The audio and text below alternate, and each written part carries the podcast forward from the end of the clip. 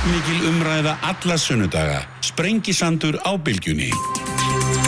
Sæli hlustendur, uh, þá rúlu að stað hér á Spengisandunum, Þorbjörg Helga, Helga Vífúsdóttir verður hér í lokþáttar stofnandi og fyrstari Köru Connect, uh, Lili Alfredsdóttir Ömdi Jónasson verða hérna Baldur Þórarsson professor, uh, Sirið Móðansen Andris Ingi Jónsson, alþykismæður en fyrsti gestum í dag Ragnar Þór Ingólfsson, formað að ferð, sæl að blessa Ragnar, velkomin Já, sæl Þú hefur verið að skrifa greinar á vísi undanfarið um skuggahliðar verkefliðsæðingarinnar og þarna um eitraðan kultúr, um valdabarátt, um hörkulegri yfirildi, leikús ömuleikans í ASI, lokaðan og fámurinn hóp sem vil halda af öllum innan starfskynarsamhansins, hópur sem vil vinna gegn líðræðslega kjörnu fulltrúum í reyningunni.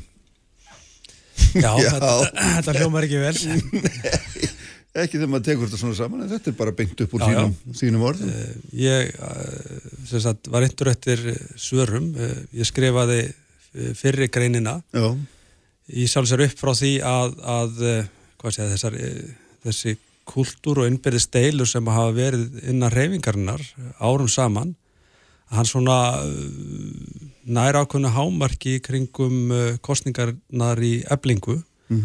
Og síðan aftur áfram uh, þegar að fer að líða að valdaskiptum þar. Og þetta uh, til dæmis uh, stýst um völdina starfsgrunarsambansins klárlega. Og svona, hvað ég segja þarna stíga fram talsmenn stjættafélaga sem að hafa verið svona í framlínni hvað ég segja, gegn okkur innan alþjóðsambansins og bara í baróttunni Hver, hver, hver er þetta skilgruna sem við eða ykkur? Já, í, þá, þá myndin ég kannski skilgruna okkur sem að vorum og leittum lífskjara samningin það er þá Vaffer og Ebling Akranes, Grindavík, Húsavík og svo félagskrist og Vestlunarfórs og Akureyri í, gegnum landsambandið þetta var stór hópur og við tókum við ákveðinu búi frá þessum hópi sem að leti viðræðunar áður en við komum að borðinu. Mm -hmm. og það var nú ekki glæsileg staða sem blasti við okkur þar, það var búið að selja kaffi og kvildatíma Uh, og sömulegist líka uh, þinna át yfirvinna með yfirvinna 1 og 2 uh, það var svo sem ekki búið að semja um það. Þetta lág alltaf á borðinu og tók nú tíma að vinda ofan að því.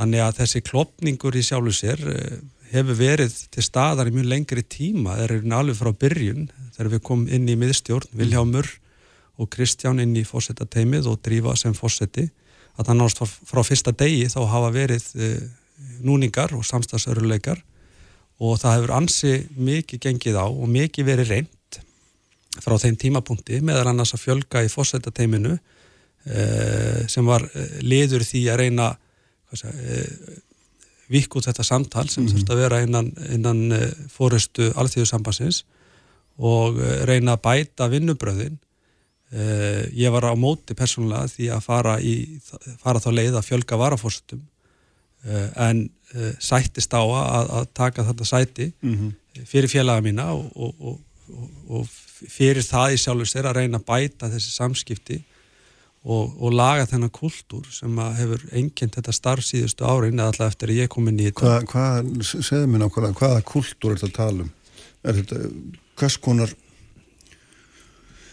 Þetta er, sko, ég get, sko, það er ekki mitt að útskýra af hverju þetta er, en það verðist vera eitthvað... Nei, útskýruðu hvernig það kemur þér fyrir sjónir, hverju þú ert að lýsa raun og veru? Já, ég er, er raun og bara að lýsa því að, að það er þarna einhver óvild og hatur sem að verðist verið í gard okkar sem að hafum verið að koma ekki bara ný inn í þetta, heldur líka kannski verið svona róttakari armur reyfingarinnar út á við.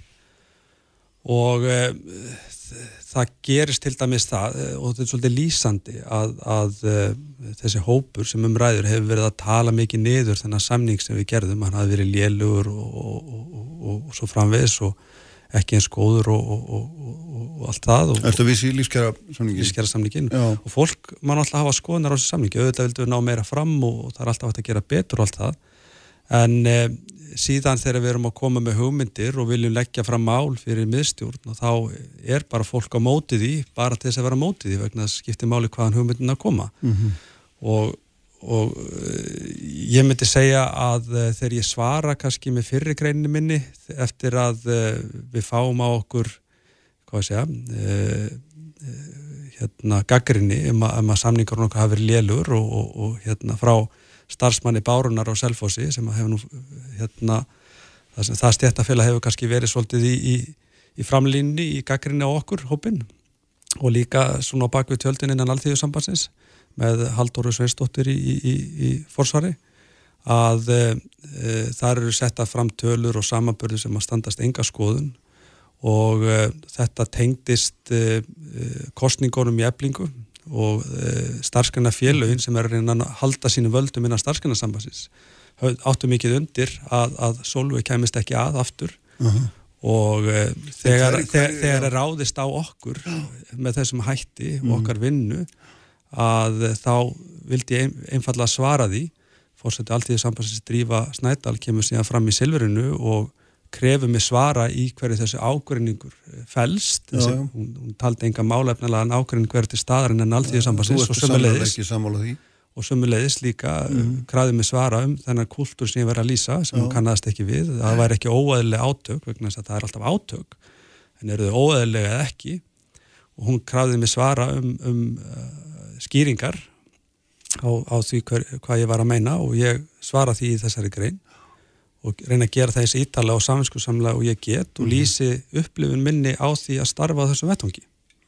Sko þessi hópur sem þú segir að gangi gegn ykkur, þessi hópur sem þráir ekkit heitar en þetta svo kallega saleg samkómula sem var nú eins og nýja afskaplega hérna, var nú þannig allir vildi lili hveðið hafa en, en því hattist mikið út í þessi hópur þinn sem að ef við getum kallaða þannig Þetta er hópur sem elskar lífeyri sjóðakerfið vill að vera látið í friði. Hópur sem telur mikilvægt að atvinnureikandur sé með tökl og haldri í lífeyri sjóðanum okkar.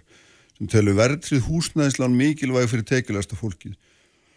Og svo framvegis. Og, og þú hérna, spyrðir drífu sem ég held að vera mikil samherri ykkar inn í þetta og ég menna þú ert alltaf bara að segja lýsa því yfir. Er það ekki að hún verða að fara?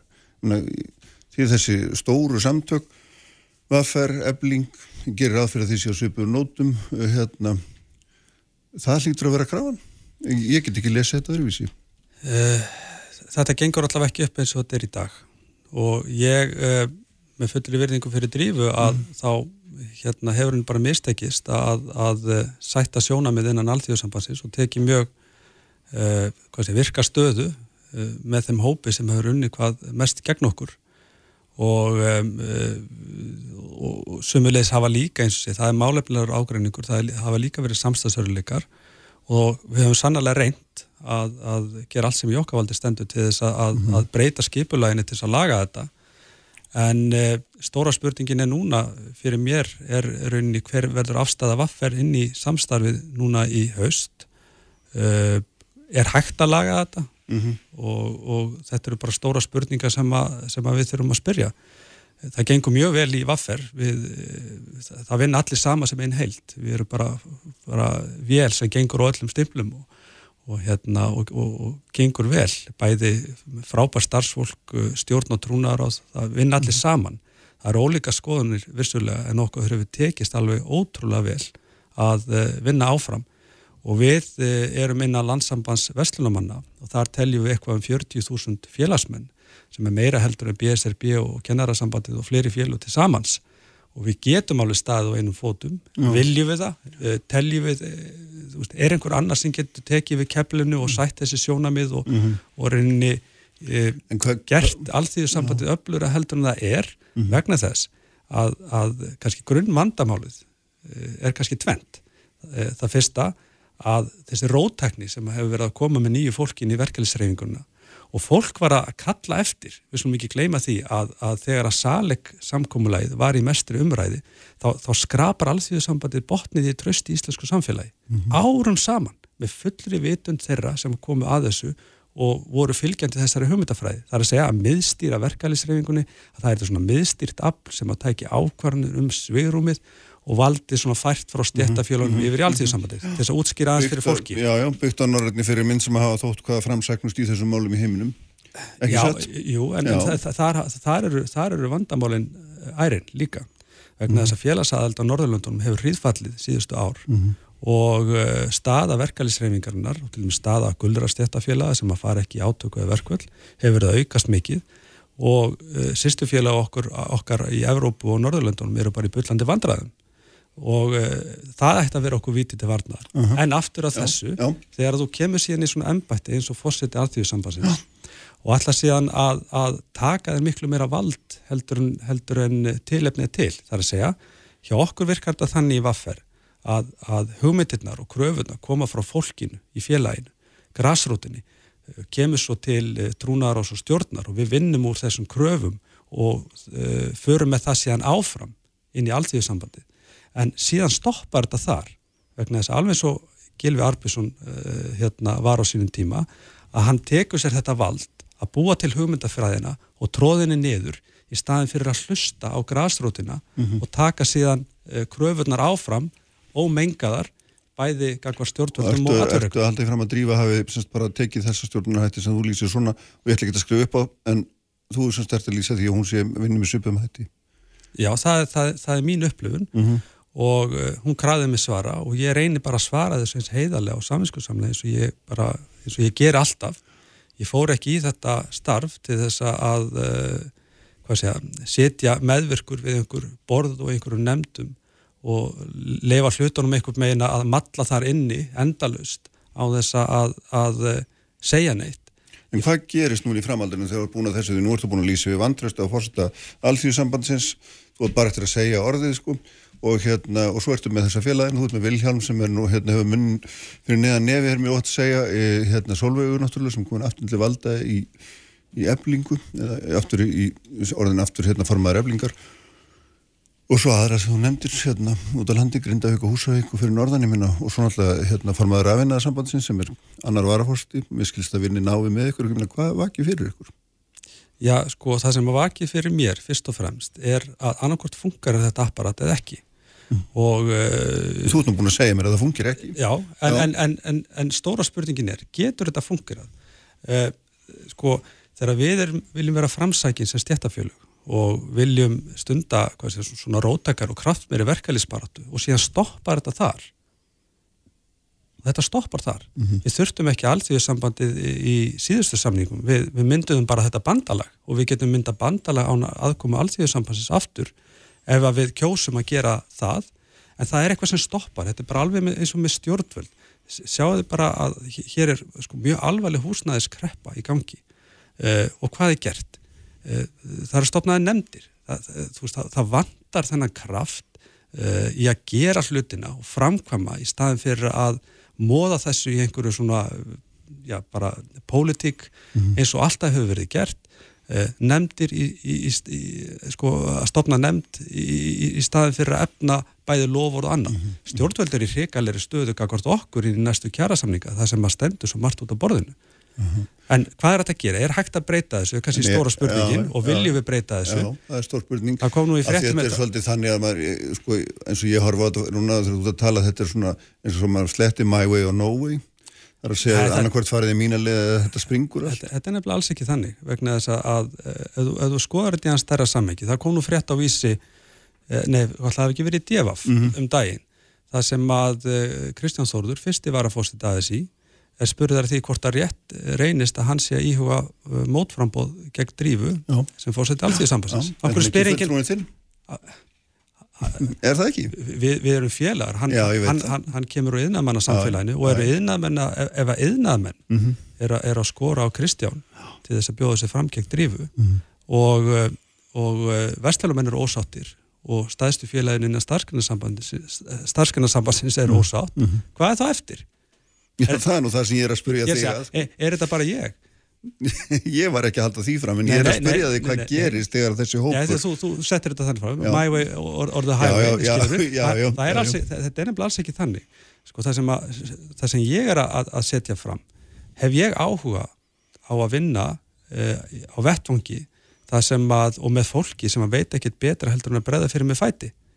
Ég hef ekki áhuga á að starfa á slíkum vettvangi persónulega, þegar þú kemur úr úr hérna umhverfi. Það sem allir það sem allir vinna allir vinna saman geta tekist á, mm -hmm. geta komist að neðustöðu og, og, og, og mikill kraftur er mm. eins og í vaffer til dæmis. Og svo kemur inn í svona umhverfi svona eitrað umhverfi að e, þú hlýtur að spyrja sjálfa þig er þetta vettvangurum fyrir okkur að starfa á eða ekki? Það er svo djart að það er fullir að það sem að fólk bara bóstalega skipulega, nei vinnu skipulega því að bregða fyrir því fæti þú ert nú að íkja núna hressilega. Ég er það? Já, ég, ég spyrði vegna sem ég veist þetta bara ég, með eindaði með mig ég, ég er ekki, sko, ég er ekki íkja e, þetta, ég var krafðu svara mm. um í hver þessu kultúr fælst og ég krafði svara um hver málefnilegur ágrunningu fælst og ég nefni þarna nokkuð dæmi. Starfskjara lögin, lífeyriskerfi til dæmis uh, og fleiri dæmi, ég meina það er stefna alþýðusambansins að þrýsta upp bótakerfunum okkar til þess að, til þess að breyðast við uh, bráðavanda á húsnæðismarkaði í staði fyrir að ráðast á rót vandas mm -hmm. uh, sjálfa rótina og, og þetta er einnig bara stefna sem að hefur í sjálfsög volíti breyst síðan hérna drífa tók við og þessar áherslur koma frá mjög þröngum hópi þannig inni og þær uh, hafa mjög mikið vægi, mm -hmm. miklu miklu meira vægi heldur tilefnið til og bara ef við tökum lífrissjóðakerfið uh, það er bara þessi skoðun að við eigum ekki að hrópla við þessu kerfið, þetta sé bara frábært og gallalust og, og við eigum frekar að, að spýta í, hækka yðgjöld, lögfesta þessi 15,5% hérna, viðmið og svo framvegs og svo framvegs, við höfum bara aðra skoðanir á þessu og ég held að fólk almennt uh, í, í samfélaginu hafi bara mjög svipaða skoðanir, skoðanir og við. Það til dæmis geti stutt með sko, könnunum sem hafa, hafa verið gerðar um viðþóru almennings til lífeyriskerfisins. Við viljum að lífeyrissjóði séu virkari eigandur. Mm -hmm. Við viljum að lífeyrissjóði drægi úr arsemiskröfu í svona ástandi eins og við erum að koma út úr kóðgreppu og við erum að fara inn í aðra sem að tengist þessu ræðilega stríði í Ukræníu og sömulegis líka, við viljum aðurreikundur úr stjórnum lífur í sjóða, við viljum að sjóðsfélagar sjálfur hafi meira vægi og meira vald inni, mm -hmm. en uh, þetta er bara ekki upp á pallborði hjá ákveðinu fólki e, þessar rótæku kerfisbreytingar sem þurfa að verða, í okkar samfélagi til þess að við komumst eitthvað áfram. Þannig að rótæknin hún er á mörguleiti að stoppa við uh, miðstjórnaborðið mm -hmm. og kemst ekki lengra. Og það er kannski svona grunnvandin og það er miklu meiri svona Já. tilvistafandi alltíðusambansins heldur en kannski uh, eitt fósetti að því að ef einhver annar tekur við og, við, og valda hlutunin breytast og þá verður þessi tókstefni alltaf til staðar. Ég held að við ættum miklu frekar að vera að spyrja okkur, eigum við að breyta þessu fyrirkomulagi, er alltíðusambandi bassins tíma, hvað getum við gert, er hægt að laga þetta, ég er ekki með svarið við þessu. Ertu þú með öðrum orðum að segja þegar þú spyrja því hvort alltíðusambandi sé bassins tíma því að hérna, það koma til greina í fullri alvöru að, að einhvern veginn að, að minga um sig þessu eða jafnvel loka því? Uh, eins og segi, ég er ekki með svara við þessu Nei. en það, er mörgu spurningum ósvarað. Ég held að sé ekki heppilegt að, að það sé einhver laust að skipta bara út fórseta. Það þarf miklu meira að koma mm. til. Það þarf einhvern veginn að, að endurhugsa uh, alþjóðsambandið og sjá bara, veist, getur það gagnast okkur í þeirri baróttu sem framöndan er eða ekki og ef það gagnast okkur ekki þá þurfum við bara að endur hugsa okkar aðkom að því. Það er stóra spurningin. Mm. En þú ert náttúrulega að segja mér bæði beint og óbeint að hérna, það verði mótframbóð við sitjandi fórsönda. Það er, er mjög undalit að það er ekki með þetta vegna þess að þú lítur náttúrulega að vera í sambandi við þitt, þitt fólk og, og þess að þú ert búin að nefna vantilega ert ekki einn einhvern veginn út á berangri að, að Að þetta hefur hérna... verið rætt ítalega í stjórn og trúnaðaráði Vaffer og mun verða rætt núna á næstu misserum. Uh, og það er líka uh, kostningu fórust í starfsgrunnarsambandinu og, og þetta með ráðast vantala uh, fyrir en setna en, en ég rekna passlega með því að það verði mótframbóð á næsta aðeins íþingi mm. hvað sittjandi fórsetta hvort að við verðum þáttækundur í því almennt eða ekki er ákvörðun sem að Vaffer hefur ekki tekið. Og það er bara, það er eitthvað sem við hefum eftir að ræða í stjórn og trúnaröð, ég tek ekki þá ákvörðun einn. Og við hefum rætt þetta árum saman og þetta á sig miklu, miklu lengri sögu hjá vestlunumönnum heldur en kannski öðrum fjölum. Við vorum dæmt þarna inn á sinn tíma. Mm -hmm. Magnús Held Svensson eh, fyrir um formað vaffer satt aldrei í miðstjórn alþjóðsambansins og, og þannig að e, sko sög, í sögulegu sammingi þá, þá hafa verið e, hérna núningar og, og mhm. átök mm -hmm. mellir vestlunumönn og aðeins í yfir lengri tíma.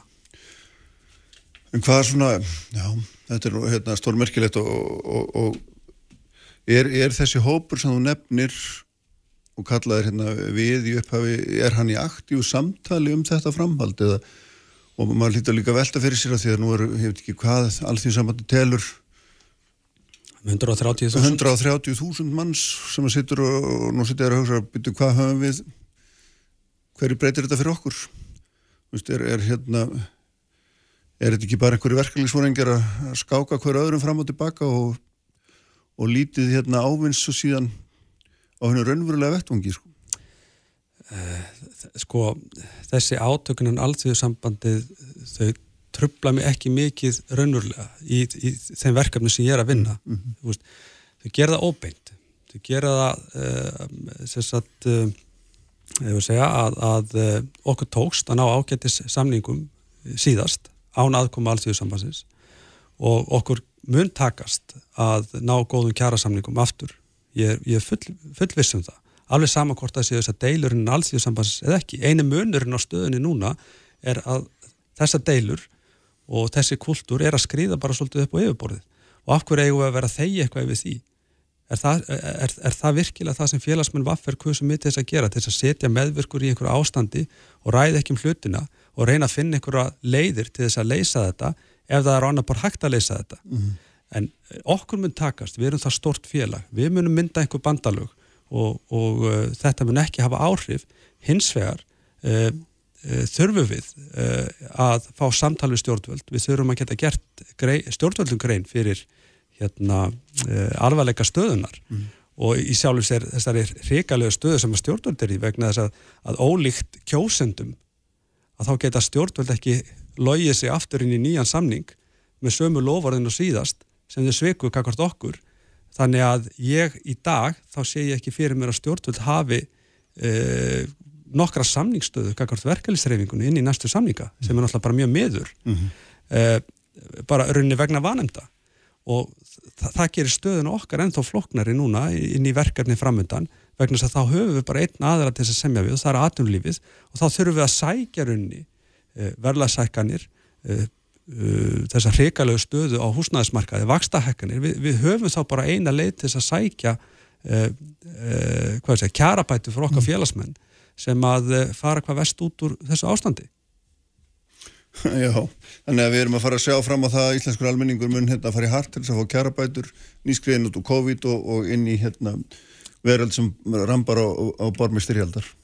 Já, það er ekkit vista að það verði mikil harkandila, þetta er allt leysanlegt. Mm. Við skulum ekki gleyma því að, að eins og eh, nýkjörinn hvað formaður samtaka eðinarins hérna, endur kjörin reyndar, já. Endur kjörin, já, já, já. Uh, byrjaði með þessa klesju sem að, um, um að, að nú væri lítið sem ekkert sveirum og við tókum þetta nú saman að í gegnum tíðina þá hefur aldrei í sögunni hefur verið sveirum til launahækana aldrei í sögunni þegar það kemur að kjæra samningum mm -hmm. og við settum þetta upp í tímalínu og þetta var aðteklisverð Líka að þú skoðar hins vegar kjærabætuna raunvurlegu þá hafa þeir verið mjög miklar. Það hafa verið miklar Já. og það er einmitt vegna þess að við höfum sótt það mjög stíft. En að horfum á verkinin ekki, ekki hérna, talið. Já, ég, ég, ég, er, ég er að segja það. Já. Okkur hefur gengið ágætlega og okkur mun ganga vel en það eru bara margi þætti sem að uh, við erum til dæmis algjörlega sammála uh, samtökum atvinnilegsins með og það eru til dæmis húsnæðismálinn. Húsnæðiskostnaðurinn hann er versi uh, hækkandi. Mm. Ég veit að bara til dæmis ég verið í sambandi við fjölskyldu sem var að borga 280 skrónir í leigu 1. janúar 2020 leigan er komin yfir 311.000 í dag. Mm. Þetta er, þetta er 30, rúmlega 30 skrónar hækkun. Ég þarf að sem, semja um 50 skrónar launahækkun mm. til þess að standa undir bara þessum kostnæðalið. Svo ertu með ólíverð, þú ert með uh, hækkunar ráveruverði. Uh, ég hef ekki séð það til dæmis að ólífélögin sé að draga eitthvað á sinni álækningu þegar ólíverð hækkar ég er ekki að sjá smásöluna, sérstaklega ekki helsölunar, eh, draga úr sinni arsemuskröfu eða sinni álagningu þegar að heimsmarkasverð hækkar á vörum sem að þau síðan endur selja yfir í smáuruna.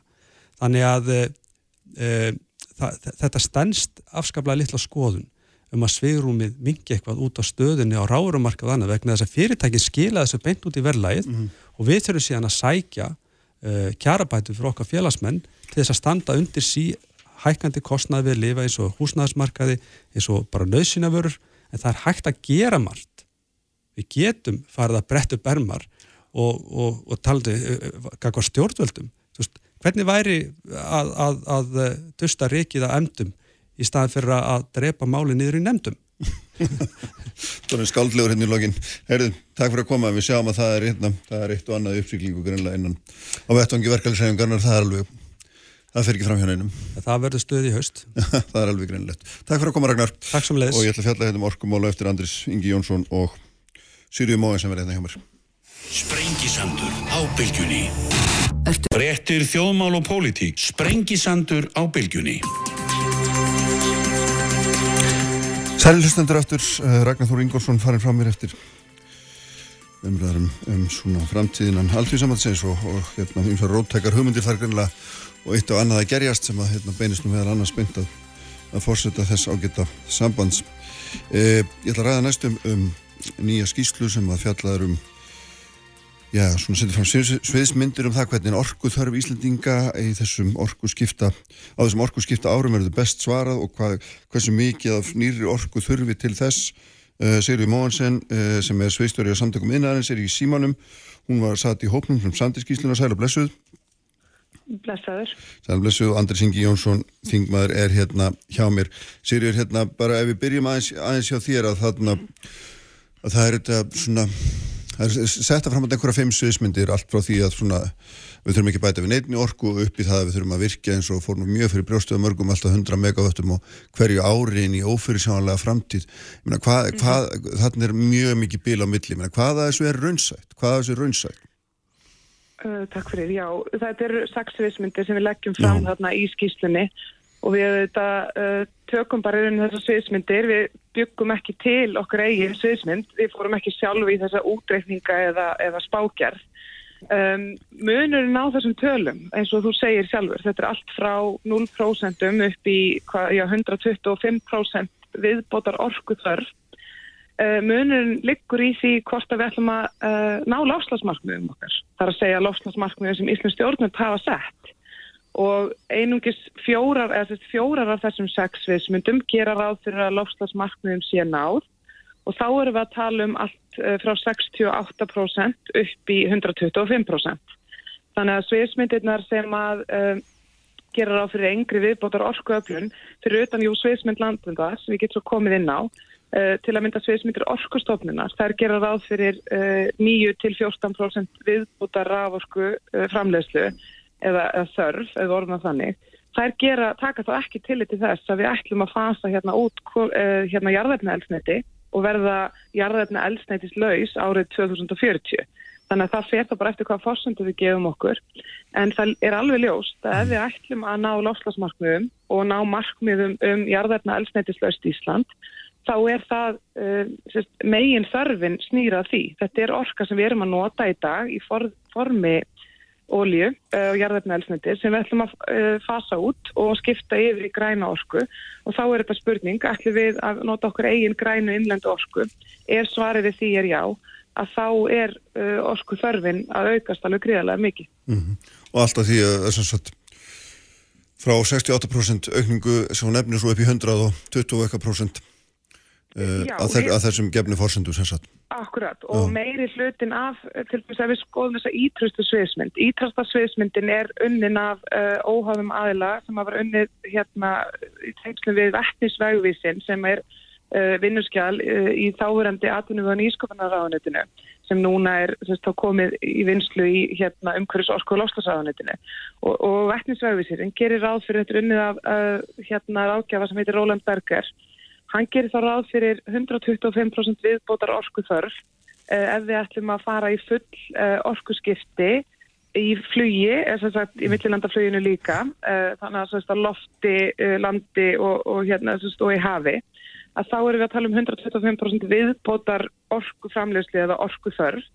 Ekkert af því tekur til þá viðbótar orku í yðnað. Eh, svo er það sviðsmynd samorku sem hefur verið mest hvað í umræðinni eftir að við uh, eh, afhendum þessu skýrslu og kynntum hana í síðustu við auði vikunni og hún gerir það ráð fyrir að uh, eh, lofslagsmarkmiði stjórnanda sinna átt og tveir þriðju hlutar af þessum 124% sem samorka mm. gerir þarna ráð fyrir eru vegna þess að við erum að skipta út jarðarnelsniti fyrir græna innlenda orku. Þannig ekkert að þessu er útflutningur á orku eða útflutningur á rafelsniti til annara ríkja.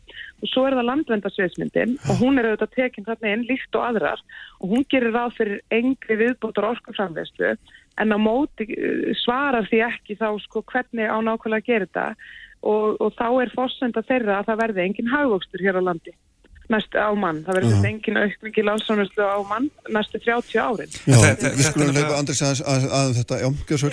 Sko, þessi lokapunktu með landvendarstöðismyndina finnst mér daldi erfiður að því að þetta er ekki rétt framsegning vegna þess að landvend segir að það verði ekki neitt hagvöxtur á mann en að fólki muni fjölka bara samkvæmt mannfylgdarspá hagstofunar þar með mun landsframleist á Íslandi aukast ár frá ári. Það er það, það sem við köllum hagvöxt og það að skýsluhöndar setja það fram sem engin hagvöxtur sviðismyndin, það er bara rám. Mm -hmm.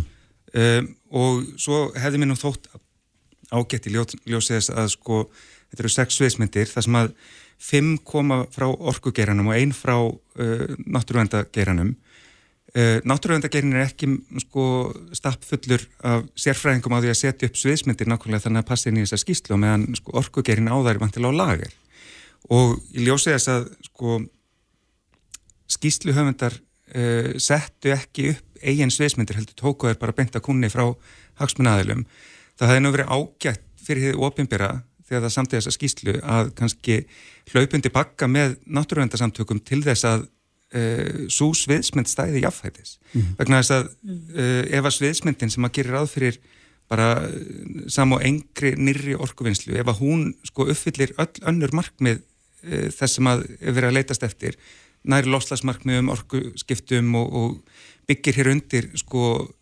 heilnamann vöxt til framtíðar af hverju, af hverju skiljum við hana eftir í skýslunni sem sviðsmynd sem að sko er einlega bara ítt í hliðar vegna þess að hún uppfyllir ekki sömu svona útreikninga og, og hinnar. Mm -hmm. Getur þú svarað Sigriður?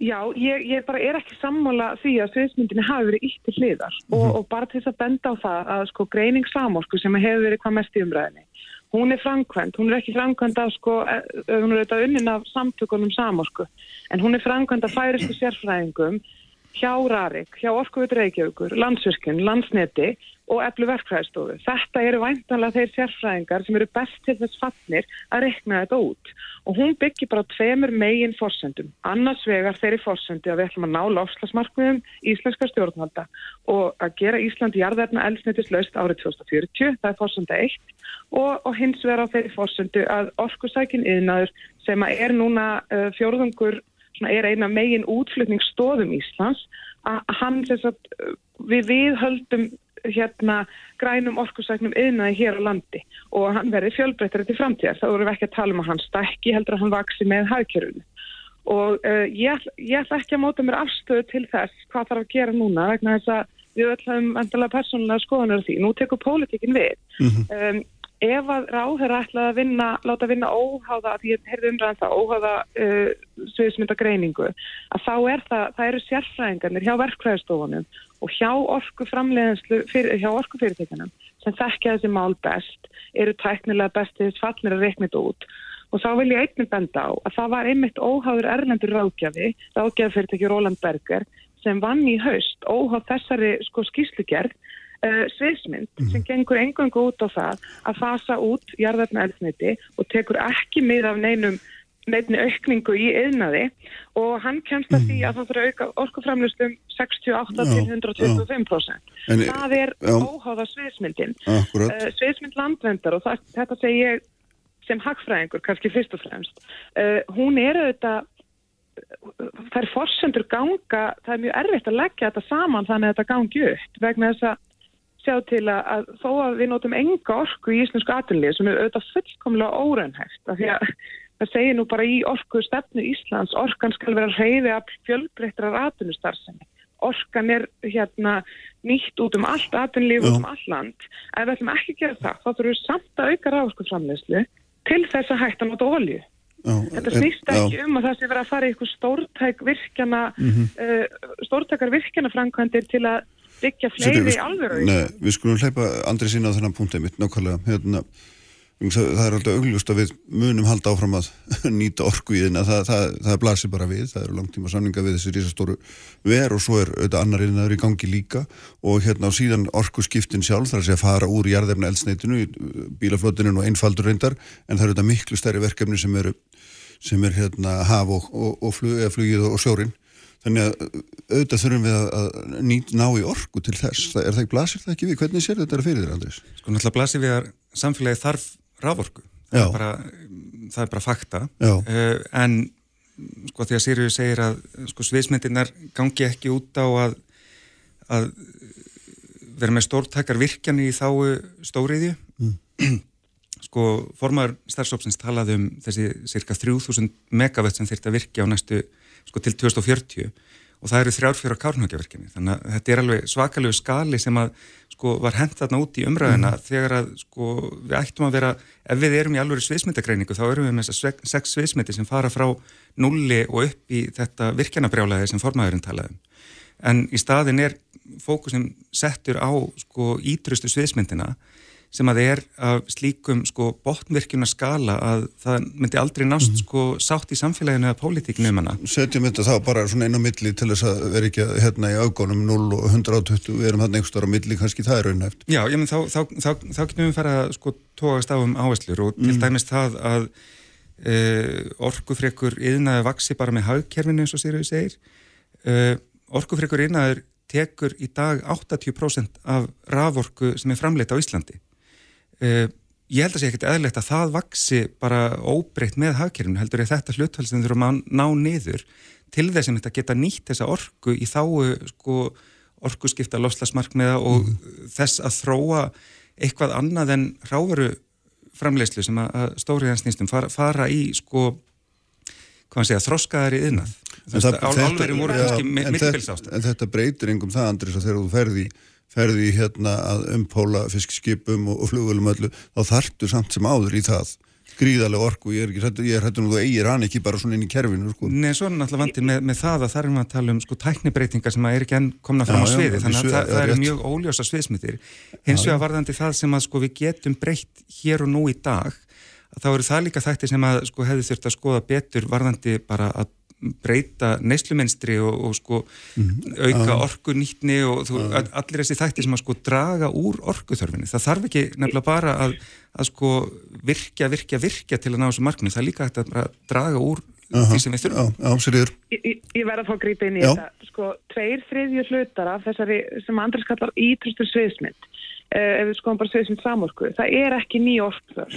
Þetta er orkan sem þjóðir notar í dag í formi jarðarnælsniti sem við setjum inn á bílaskip og flugvilar.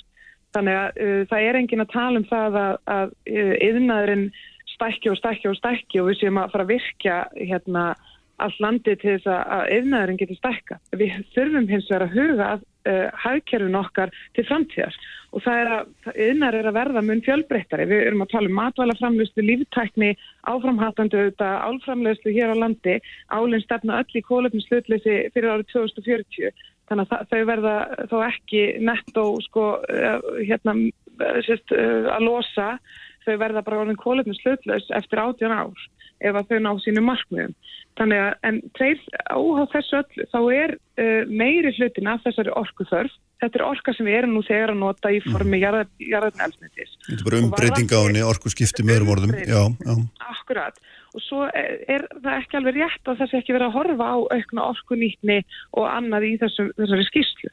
Og til dæmis í forsendum uh, í samorku eflusviðsmyndinni er gert ráð fyrir minnir af orkunótkun uh, vegna aukina almenningssamgangna, vegna væntinga um tæknithróun að þær geri, að teknitróun geri rafelsnættisbíla, rafbíla sparneitnari en nú þekkist uh, og að teknimunni heilt yfir dragur rávorkuþörn. Við erum að horfa þarna á glatvarma frá uh, yðnaði sem hættir að nýta uh, í öðrum yðnaði eða í annars þar í aðtunlífinu og allt lækkar þetta tölur um vænta ráorkuþörn. Þannig að við mhm. erum einmitt að taka, þessar sviðsmyndir eru einmitt að taka mið af öllum þessum þáttum sem Andris nefnir. Og svo er það líka þannig að það er talað um tvær kárumhjökavirkjanir og tíra fresti að hvaða er. Það er auðvitað, við erum ekki sama veruleika í dag og við vorum fyrir 20 árum síðan. Nú eru komin, komin mun fjölbreyttari orku framlegslu kostir, sem það er þá vindorka, við þurfum auðvitað líka að huga jarðvarmanum okkar sem hefur nú komið okkur í gegnum fyrir orkuskipti þannig að þetta er ekki engungu verið að tala um vassafsvirkjanir. Uh -huh. En ég vil bara ítrekka það að það er ekki verið að tala þarna um vassafsvirkjanir í viðbótar stóriði í neittni þessara sviðsmynda og ég held meiri segja að sko ítrustu sviðsmyndunar eru hverki á bladið þarna að því ítrustu sviðsmyndirnar væru að við værum að fara að flytja framlega rafelsneiti hér í nægilega stórum stíl svo það sé hagkvæmt fyrir okkar einu orskuskipti og værum svo að flytja uh, uh, rafelsneiti út og þá erum við að mm. tala um kannski þrjú, jafnvel 400% orku framlegslu aukningu uh -huh, -huh. þannig að þetta er ekki, ég myndi segja ítrusta sviðsmyndin er hverkja bladi þarna Hérna. Hún er enn starri. Já, ég skilði.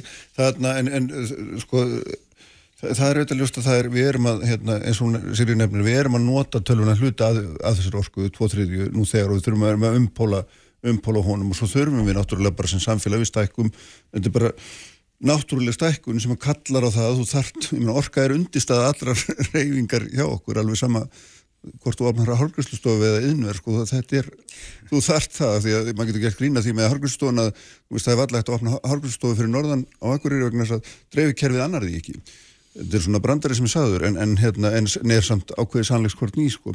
og hérna, þetta er einhver sviðismynd sem við verðum að horfa á hvernig við ætlum að, að, hérna, að gera þetta allt saman. Og þetta er náttúrulega stór mynd sem hefur verið sko, vannrægt allt og lengi að, mm. að flutnískerfi rafork á milli landsluta er allt og veikt þannig að við erum með sko, stór svæði þar sem að þú ert ekki með sko, nægileg gæði af raforku til að geta einmitt bara staðundir einfaldri matfælega framleyslu á einhvernum sveitabæi eða opna bakari á agurri en sko það sem, það sem trublar mig við þessa grænbók er uh, vegna þess að þarna eigum að vera með eitthvað umræðugrundvöld, við eigum að vera með frá hennu ofinbera, texta sem að við getum byggt umræðu til framtíðar á.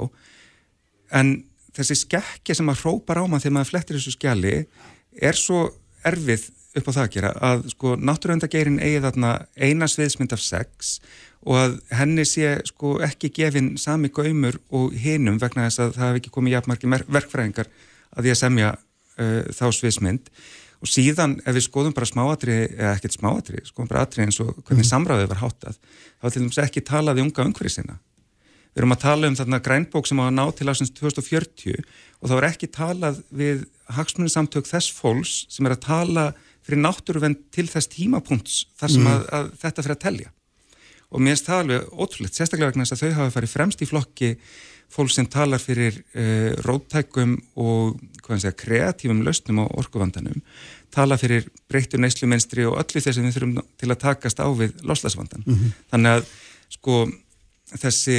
En þannig ertu náttúrulega að tala um úttækt sem að þau þurftu þá að vera sko nánast allt um líkjandi og hún á að innifela í sér neysluminstur og, og allt þetta ég veit að þetta hefur allt áhrif en þetta er náttúrulega langt fyrir utan versið þessar þryggjamanna nefndar Ég meina mat á orku þar til framtíðar mm. sítur að taka þetta inn í mm -hmm. Og, en en sveismyndir það taka einmitt mið af, af breyttu neysluminstri og svo framvegis, mm -hmm. það er inn í forsendum sem eru mjög ítalar í mörgum þessara sveismynda og það sem að vantar inn í þetta samtali líka smáa letrið í sveismynd landvendar og við fundum með bæði náttúruvendarsamtökum Íslands og landvend í tvígang og þau fengur sér dröga að uh, grænbókinu þegar hún var í, í vinslu uh, til umsagnar að smáa letrið þarna eru þetta það, það er ekki tækt að kannski gera þessu útreikninga því þeir byggja þetta á, það eru þetta hægt, en þeir byggja þetta á uh, því sem er kannski ekkert verið að ræða. Það er bara, þeir byggja því að loka stóriði. Þannig ég segi það bara upphátt. Mm. Þeir byggja því að orkan sem nú fer í íslenskan yðnað sem er að skapa mikil verðmæti í formi útflýningstekna fyrir Ísland, störf og svo framvegis, að hún sér henni færð inn í þetta markmiðum orkusskipti. Og það er það sem þurfum kannski að horfast í augu við, að kynst kynnslóðið þar á undan okkur. Mm. það er bara virkiðu of mikið uh -huh. í of einsleitan Þannig að komast við lásins að kjarnapunktunum þarna. Ekki við sammála því en, en, en það er einmitt þannig en á Íslandi er framleitt meiri raforka per mann en í nokkur öðru já, ríki já, og það já. er vegna þess að fólki sem að stýrði þessu landi hér áður fyrr það bara fóru of gest í þetta og það hafði já, af ég... okkur möguleikan já, að, að geta hætta, hérna, bara að frálsum þetta. Það er 20 segundur, já. Sirkja, við erum einmitt í miklu betri aðstöðu til að fara í þessu orkusskipti vegna þess að við höfum eh, byggt upp ráorku kerfið okkar í, í tengslu með stóriðina. Þannig að við erum bara þjó, öðrum þjóðum framar í þessum orkusskiptum sem framöndan eru einmitt vegna þessa. Þannig að þetta er kostur en ekki galli. Ljómandi, heyrðum, ég heyri að þið verðið ekki samanlega þetta dag allavega. Takk fyrir að vera með okkur Sigriður, takk fyrir að koma Andrés. Uh, ég ætla að ringja hann Baldur Þórhalsson eftir augnablik, svo verða Lilja Alfristóttir og Ögmundur Jónasson hérna líka þá er það Úkræna. Sprengisandur á bylgjunni. Alltaf björnt og brósandi. Þetta er. Bylgjan.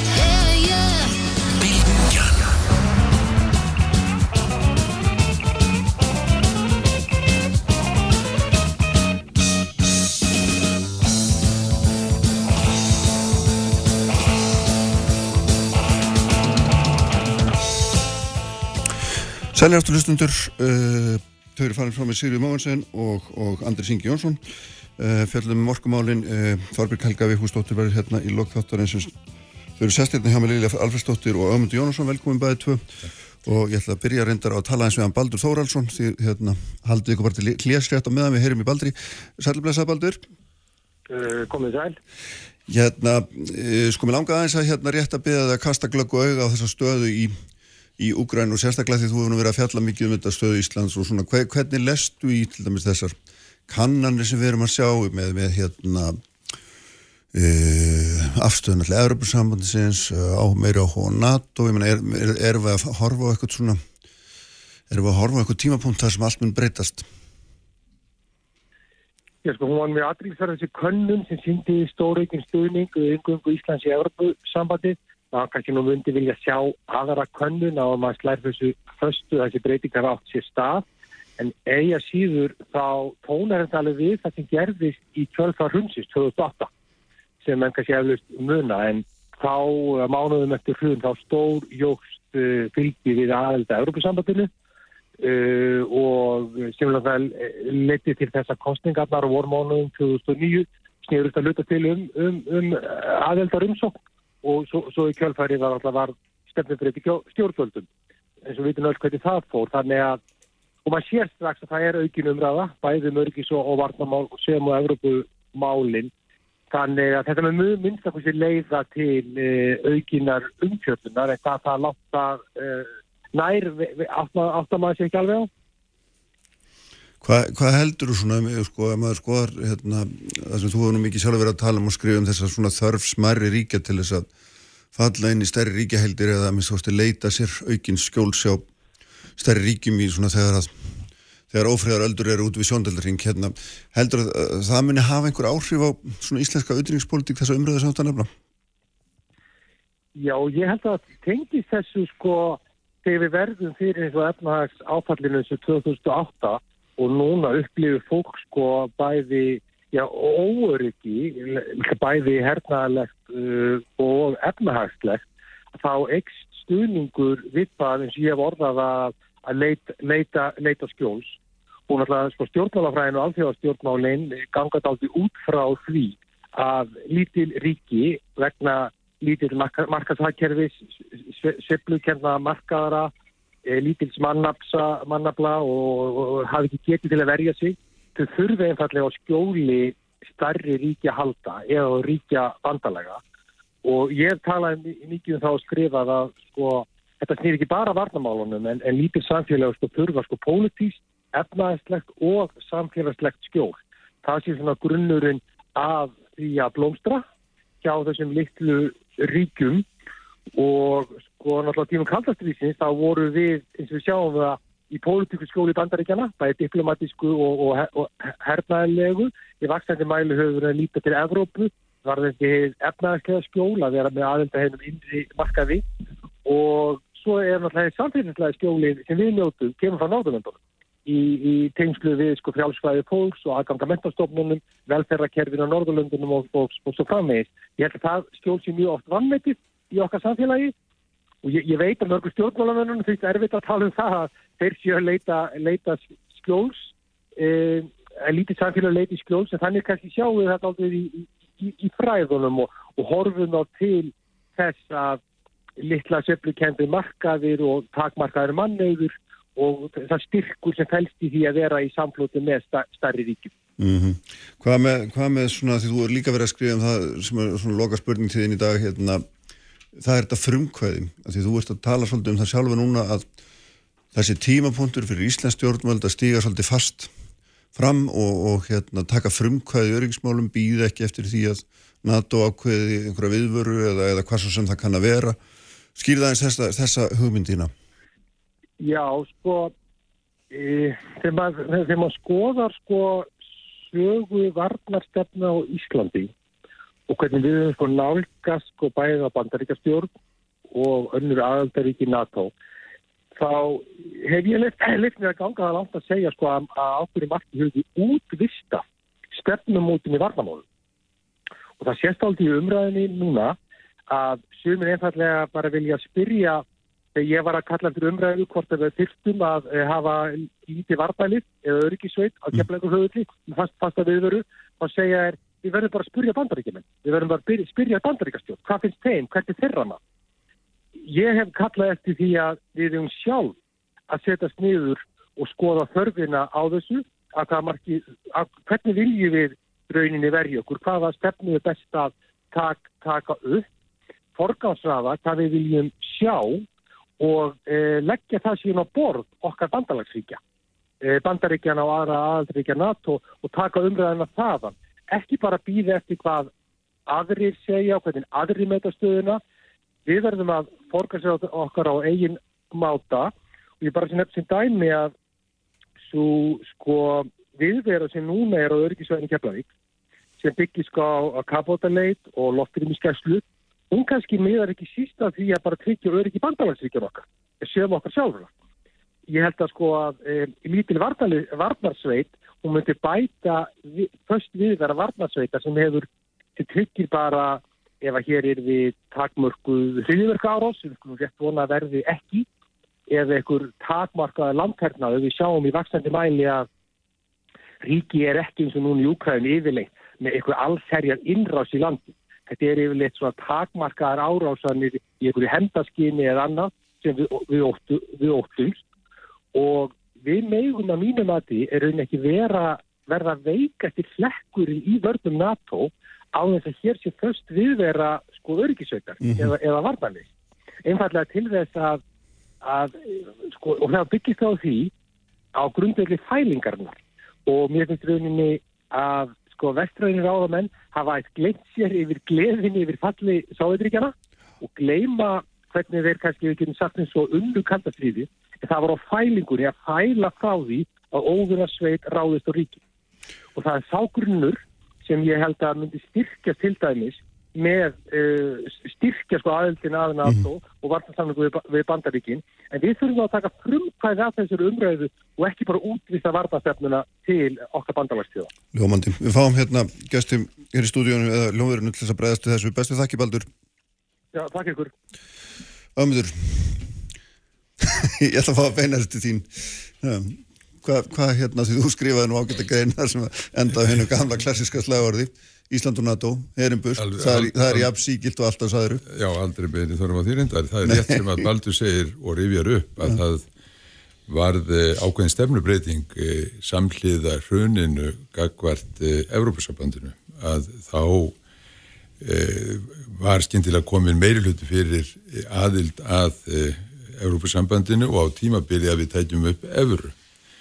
Síðan var stefnubreyting segina hjá stjórnvöldum en það var stefnubreyting víðar. Það var stefnubreyting hjá þjóðinni vegna þess að í skoðanakönnunu sem gerðar voru ári síðar mm. ári, segja, árinu 2010 þá var komið allt annað hljóð í strokkin og það var vegna þess eh, sem gerðist í hennum myndaskjóli smáríkisins hjá hennum stóru við eh, fengum að finna fyrir því þegar að Európusambandið saminnaðist og beitti sér á vettvangi alþjóðagjaldir í sjóðsins til dæmis að eh, reyna að knýja okkur til að borga æsif. Það voru samantekkin ráð þessara skjól veitenda mm -hmm. okkar. Þannig að viðhorfin, viðhorfin breyttust þá all snarlega hjá þjóðinu og það var þjóðin sjálf sem að síðan tók málunni sínar hendur í þjóðratkvæðagreyslu og við afgreitum æsseif út, mm. út úr heiminum. Þannig að, að það er nú ekki allt fengið með þessu stjóli, en aðeins um þetta með Ísland og NATO og Heimbjörn. Langar til að rifja það upp að ég var 13 ára mm. árið 1961 þegar kúpudeilan varð. Eh, Castro hafði tekið völdin 59, 1959 úr hendum einræðisherrans Batista á Kúpu. Eh, Bandaríkjaman voru ekki sáttir við þetta, þetta var stjórn sem hafi verið handgengin þeim áður, Castro var það ekki, eins og við þekkjum. Bandaríkjaman eh, gerðu loftárásir á Kúpu, eh, á eh, flughafnir og eðilögðu verulegan hluta af þeirra flugvelaflota og síðan að gera innrás. Þetta er 1962. E, á þessum tíma þá óttuðus menn raunverulega að kjarnorku styrjöld gæti skollið á. Hvers vegna? Það var talið og loftmyndir síndu að rússar eða sovjetmenn hafðu komið upp kjarnaflögum á Kúbu og það voru frekari flögar á leiðinni til Kúbu. Þeir bandaríkjaman höfðu á sama tíma komið upp kjarnorkuflögum í Tyrklandi við landamæri Sovjetríkjana og einniga á Ítalju. Þannig að loft var læfiblandið og menn óttuðust raunverulega kjarnorku stríð að gæti skollið á. Ég man alveg fyrir þessum ótta og við skulum ekki gleyma því að það voru aðeins 19 áru liðin frá því að Hiroshima Nagasaki sprengjurnar fjallu sem drápu 300.000 óbreyta borgara. Þetta hefði gerst og þá var heimurinn hrettur og núna spyr ég er hann það ennþá? Er hann, er hann, er hann eins hrættur núna? Ég held að sé nefnilega raunveruleg ástæða til að vera raunverulega hrættur mm -hmm. og, og ég hlustaði á, eða er, hlustaði nú hér eindir á því, ég las útskrifta við tali við Anders Fogh Rasmussen sem var framkvæmtastjóri NATO 2009-2014 og það var óhugnalegt að, að hlusta mannin Eh, svo, það voru svo miklar stríðsæsingar í honum og svo mikil rempingur og merkilegheit hann sagði við getum sprengt Putin og hans lið í tætlur við getum sprengt hann í tætlur vegna sem við höfum fjárfest tíu sinu meira NATO-ríkin heldur en e, Rúsland mm -hmm. og undanföldnum árin þeir eru bara með 8% af okkar herstir og þá er náttúrulega bæta á til að botna þetta já, já. og það er atbyrðu sem gerist í síðustu viku já. það var að indverjar skutu óvart eldflög á Pakistan og nú er verið að ræða þetta mm -hmm. bæði þessi ríki erum við kjarnorkuvopn óvart skutuð þeir hérna, þessum, þessum vopnum. Mm. e, og nú eru þessi ríki að ræða það. Menn hafa reynd að velti fyrir sér hvern, hvernig sálarlífi Pútins er háttað. Ég segi þetta kerfi allt saman mm. þetta kerfi allt saman er stór hættulegt og við höfum ekki að koma nálætti við höfum að stíga þarna út. Lilja Já, það er margt hérna, mikið búið að koma fram. Já, ég er auðvitað að fara hérna aðeins aftur, aftur í söguna, aðeins aftar en hérna, en augmundur Já, ég, ég var reyndar ekki ég var reyndar ekki fætt árið 1940 en ég með nokkar aðeins að rifja það upp bara þegar í raun og veru breytar taka yfir varnir landsins. Og þegar það er mjög stór ákverðun þegar breytar koma hingað eh, 10. mæ 1940 og það, þeir voru í raun og veru í kapplaupu við þjóðverðana mm. og Winston Churchill teku við og verður fósættisráð þeirra í, í þjóðstjórn. Og þarna höfðu sko í raun og veru Evrópa misreiknað Hitler og hversu árása gert hann var. Og menn, höf, menn höfðu miklar ágjur á því að þjóðverðanir myndu koma hingað eins og þau gerðu eh, þegar þau fóru inn í Danmörk og, og Noreg. Og Winston Churchill segir e, þessa frægusetningu, hún hefur ótt verið nótuð að í raun og veru e, með lefið þáttastjóðanda hver sá sem stýrir Íslandi heldur á bissu sem beinist öruglega að Englandi, Bandaríkjun og Kanada. Og þeir koma hingað og, menna, og við vorum hlutlust þjóð og það er auðvitað vel þekkt þegar fósættisráð þegar hann þá þáverandi segir við erum hlutlust og en þeir koma og, og taka yfir Ísland. E, Bresk stjórnvöld höfði í raun og veru ekki hernaðilega getu til þess að vera með Ísland á þessum tíma. Og það fer á stað mikið samtal mm -hmm. á milli Tjössels og Rósvelds og Rósveld hafði lofaði að, að, að, að hérna, bandarækjumenn myndu ekki taka þátt í heimstyrjöldinni og þannig að honu var þetta mjög erfitt. Og svo er í raun og veru ákveðið eftir fundirra eftir mörg mörg samtölu og, og þetta er allt mjög vel skrásett að bandarækjumenn ætla að koma og taka yfir eh, varnir Íslands og gera það í júli 1941 og það gleymist oft að þetta er fyrsta þáttaka bandarækjana á erlendi, erlendri grundu í setni heimstyrjöldinni og er í raun og verið stór merkileg vegna þess að, að Per Harbor gerist ekki fyrir en sko í desember 1941 Já. og akkur er ég að fjalla Já, um þetta komdu okkur aðeins inn í Já, nútíma líka, ég ætla að já. koma okkur Já. hérna, mér finnst það mjög gaman það er svo, ég var svolítið ánað með þegar augmyndu fór í kúpudeilina þá hugsaði ég, heyrðu, nú ætla ég að, að Nú er- tala um að fin- nú ertu búin að finna flötinn, já. heimsstyrjöldina. já, ég ætla að tengja þetta núna við það sem er að gerast og hvað gerir svo í kjölfarið e, e, Íslands stjórnvöld komast að þeirri niðurstöðu en auðvitað ekki í, í sátt allra í samfélaginu að, að það borgis ekki úr hlutlustjóð, það borgis sér hennilega ekki og uh, stjórnvöld taka ákvörnum það eftir setni heimstyrjöldina að taka þátt í og vera stopnaðaðili Atlasansbandalæginu uh, 1949 sem var mjög farsæl ákvörðun. Setna meir uh, taka þeir ákvörðunum það að, að, að hér sé uh, stopna til uh, varnar uh, samnings við bandaríki 1951 og notabenni það var ekki mjög auðsótt og ég tel að Íslands stjórnvöld hefði aldrei farið í það varnarsamstarf ef Kóriðustríði hefði ekki brotist út 1950 og það voru mjög deildar meiningar og minnflokkur til að mynda á þessum tíma svo ég sé enn sko 1950 eitthvað, hann var mjög klofin hann var ekki á því að þetta var endilega, endilega, endilega skynsalegt meðal annars út frá þeim rökum bara sem augmundu var að nefna þú veist, ætlum við virkilega að, að vera þarna Ég ætla að vera hérna, ósamála hugmyndi þó ég sé mjög samála honum til dæmis í landbúnaðamálum og æsef og við erum mjög mikið sammeilegt svo, svo ég bara segi það. En það að við höfum tekið þátt í því að vera stopnaðali e, Allarsvansbandalagsins og varnasamningur 1951 og að vera stopnaðali á saminu, þjónum það eru mjög farsalar ákvarðanir og við í raun og veru förum inn í þetta varnarskjól. Uh, en það má ekki gleyma því að pólitíkin hún var, það gekk allt út á þetta, ég meina það, og þetta var hugmyndafræðileg átök og það er mjög merkilegt, ég veit ekki Réði náttúrulega afstöð, eða ég því Já. hvort maður var hægri eða vinstri maður raun og hvort maður hryggja maður á. og það er svolítið hérna Reykjavíkubrif uh, dagsins í dag fjallar einmitt um þetta þegar skáldið okkar sko gerir svo upp þegar Haldur Lagsnes gerir þetta upp í skáldatímum. Og mönnum fannst að skauta mjög létt yfir þetta en ég skal, ég skal segja ykkur akkur Já, ég ætla að nefna já, þetta já, það er vegna þess að ég er, að- ég er að lesa bókinas Haldur Guðmundssonar um æfi Haldur Lagsnes og hún, þetta er, ég bara mælu með þessari bók fyrir alla þá sem hafa áhuga á því að lesa menningarsögu og stjórnmálasögu 20. aldarinnar, takk fyrir Já, einmitt, hérna. Er- já, Cicero, nei, ég ætla að ekki það lengra. ég- er til í það líka, sko. Á fyrstu öld fyrir, á fyrstu öld fyrir Krist. Já, Það var uppi Cicero sem við já, þekkjum. já. Og hann sagði, Silent enim leges inter arma. Í stríði þagna lögin.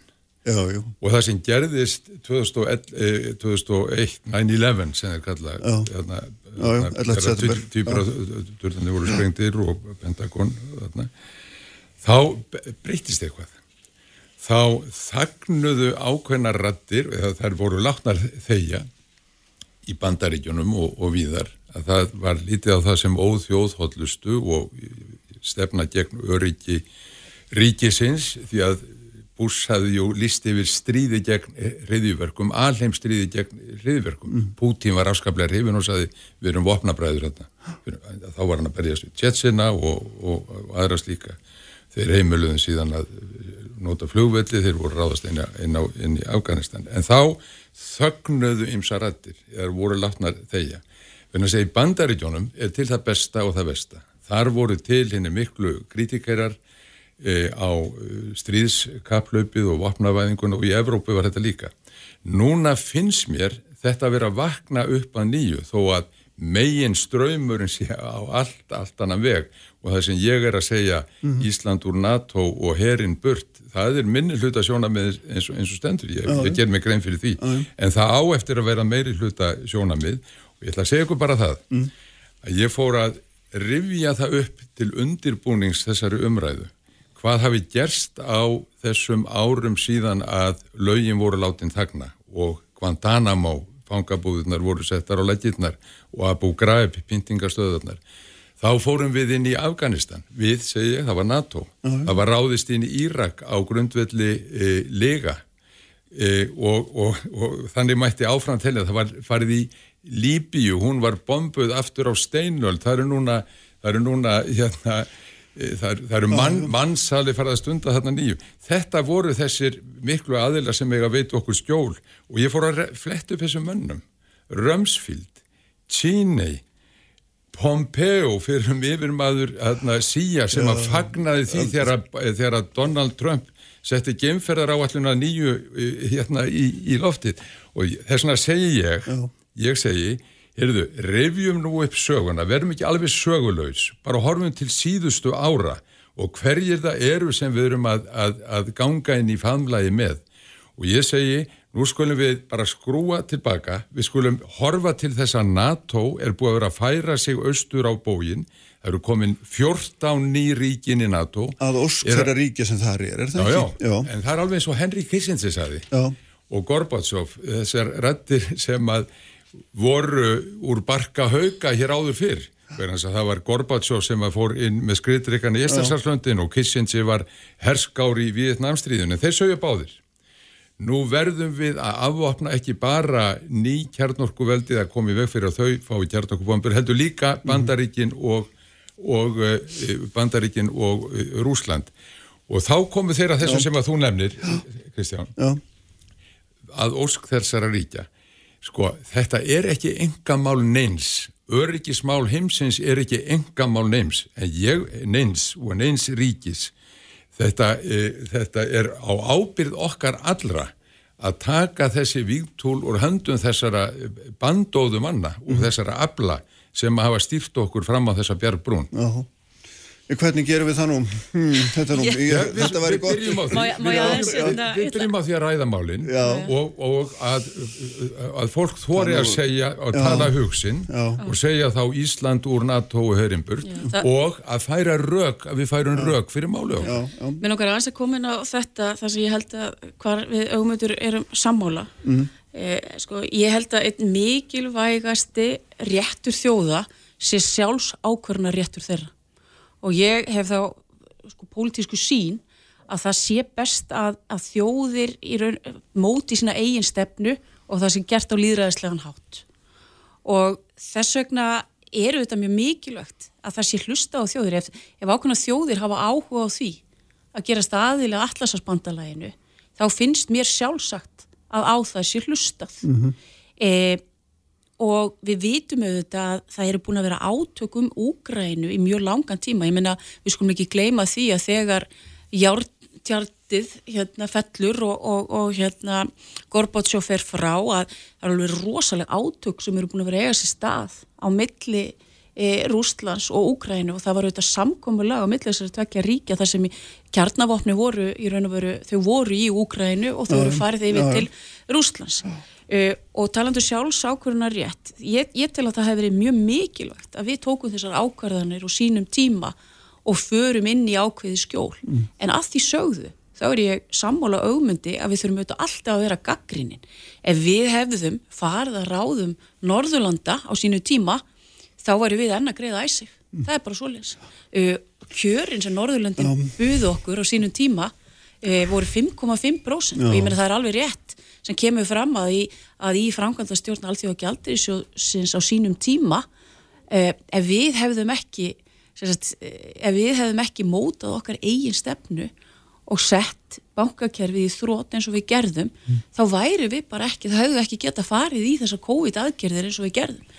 Og þetta gerðu við að því að við höfum þessa trú á sjálfs ákvöruna rétti okkar uh, og þannig að ég held að það sem mjög brýnt og allt tal núna eins og hjá formanni viðreistnar og, og formanni samfélkingarinnar um að njú sé tíminn til að sækjum aðild að Evrópusambandinu. Ég, ég þurfti í raun og veru, ég var ekki bara alveg hvort ég væri að heyra rétt og lesa rétt. Vegna þess að ég verða að segja það sko einhvern veginn að að ætla að fara að nýta ferðina núna þegar við erum öll núna og ég, mena, ég segja það fyrir mitt leiti ég hef Hérna, mjög mikla rákir bara verðbólgu þrúun og, og, og hvort það verði skortur á, á vörum um heiminn og við sjáum til dæmis eins og með bara kveiti, ég meina kveiti búið að hækka um 26% og, uh, frá áramótum. Og ég er svolítið gaman að fylgjast með sko framvirka verðinu í, á þessum Chicago markaði og hvað er að gerast. Ég meina, menn eru hættir að eiga viðskipti með nikkel vegna þess að það, bara, það búið að hækka svo svakalega. Og það sem ég til að sé í raun og veru verk okkar núna á stjórnvalda þegar bara svo við komum líka inn í, inn í, inn í, inn í þennan dag er að alls það sem við getum aukið frambóð á þessum vörum, það sem er skortur það er stóra viðfangsefnið. Ég meina ég til að við eigum að framlega áburð til að mynda. Ég meina ég til að stjórnvöld við eigum að setja okkur markmið uh, um grammetis uh, framleyslu Mér, ég tel að, að við eigum að vera með hér að, að 90% að allir neyslu okkar á grammeti eigi að vera innlend framleysla við erum ótir orku sem er nú aldeilis sko, sem er að hjálpa okkur gríðarlega ég meina, Mhm. þið getið ímynda okkur hvað er að fara að gerast núna í Evrópu ef, ef það verður frekari stigmögnun á þessum efnaðasaðgerðum og Pútin skrúar fyrir Já, já. hvað ætla þjóðverðir að gera og ég meina, e, ég meina það bara Þeir eru nú sjálfur eiginlega búin að skrúa fyrir. já, en Er verðið á bara orkureikningum ég, ég held að fólk átti sér stundum ekki á því hvað reyndar þau, þau sem eru út á landi og ég tel að það þurfa nú að laga það svo ég komið því hérna á framfæri Svo það er enn krókin, já, já, en, en- hérna, já. já, ég, er svo, ég er svo gaman ég er svo gaman að innskotsetningu, Kristján en, hérna, en svo ég bara kom að því Já, að já. það þannig að, að, að hérna E, það er að fara að hægjast verulega hagvexti út af því að bara heimilin í Evrópu er að fara að borga hærri orkureikninga Já, já. og meira fyrir matinsinn. Þetta er auðvitað, já, þetta er hérna þróun sem er náttúrulega, ég rætti þetta við Selabankastjóra hérna fyrir viku og það er auðvitað augljóst að þetta er, við erum að fara að sjá herri verðbólgu og vantla herri vexti og, og allt hvað af leiðir, en sko hérna, eitt sem er langar kannski að því við þurfum svona, einhvern veginn nú voru góður, við höfum farið allt frá síser og til nútímans, en ég meina, sko, er, er, sem sagt, er staðan þessi, ég var að hlusta á viðtal við hana Júliu Tímoshenko sem var hérna fórst í Kvítarúslands og, og, og hún heldur því fram fullum fettum að hún náttúrulega tapaði eða tapaði innan gæsa lappa fyrir honum þarna hvað hann heiti Lukashenka uh, hérna sem að hýrta af henni völdin. Sko hún heldur því fram að markmið sé að setja fót nýtt í áttjald og fyrir Kvítarús að setja spurning hvori megin hryggjar þeir liggja og vantlega fyrir Úgrænu líka. Og, og hérna og, og, nú er það svona veldi maður fyrir sér sko verður Úgrænu bara fórnað? Verður hún bara látin liggja, þetta klárast og hann tekur hann á hérna, Putin og, svo hérna, svo reysir hann eitthvað múr nei, ég veit það ekki, ég Nei, bara velti fyrir mér ég, ég held að sko ég held að Ég veit þetta eru stóra spurningar, Já, ekki rosa þetta- langan tíma í þetta. þetta, þetta er bara þetta sem er að gera Já, sjálfsögðu, já. en það er þetta sem að NATO hefur að gera náttúrulega með því að sko þegar að menn komast að samkomulagi á sínum tíma e, um e, sem sagt að Sovjetríkin liðist í sundur og, og Berlínamúrin verði tekin og svo framvegist, það er að NATO fari ekki nær Rúslandin þá var. Síðan hafa 14 ný ríki komin í NATO Já, og þeir fitnað aftur að eigin ósk, ekki satt? Ömundur, aftur að eigin ósk. Eh, já, Sko, ég meina að eigin ósk og fyrir þrýsting vopna framleiðslunum minnust Eisenhower pa- passið ykkur á Industrial Military Complex Mhm. sem öllu ræður og hann má ekki ráða öllu og þetta er, þetta er bara þetta er þrýstingur frá NATO og það eru norðurlandamenn undir þeirra stjórn eh, Stoltenbergs og núna og, og Anders Fogh áður sem að þessi harka er aukin harka er sett í þetta en ég vil bara segja þetta lókum já. um Úgrænu að rússar eiga láta af hernað og hverfa með allan hersinn þegar í stað frá Rúslandi og þeir eru að gera það algjörlega skýrliðslust. Síðan á alþjóða samfélagið að grípa inn og helst saminuð þjóðurnar með fríðargæslu í austur héröðum e, hérna, Úkrænu þar sem hefur í borgarastríð, mannskeitt borgarastríð í átt ár. Rúsa segja að það hefði fallið 14.000 manns, ég veit, ég veit ekki hvað er rétt í því, en Úkrænum en eiga hverja með hér þaðan og rússar líka og setja það undir alþjóðakontról og síðan á að spyrja fólkið. Vegna þess að það er alveg rétt sem að Lilja segir að fólkið á að ráða. Og þá er svolítið einfalt að tala um ríki ef að, ef að tróðið er á réttindum fólks innan ríkja eins og ég þekki svo ágætlega til í Tyrklandi sem er NATO-ríki líka þar sem að nýðst er á, á kurdum og þeir sviftir e, mannréttindum. Og, og við þekkjum náttúrulega alla Afríku sem er bara teiknuð upp á teikniborði í, í París og, og, og London. og þvert á uh, menning og tungur Já. og svo framvegis. Það er fólkið sem á endanlega ráða og þá er að spyrja það hvar það vilji vera.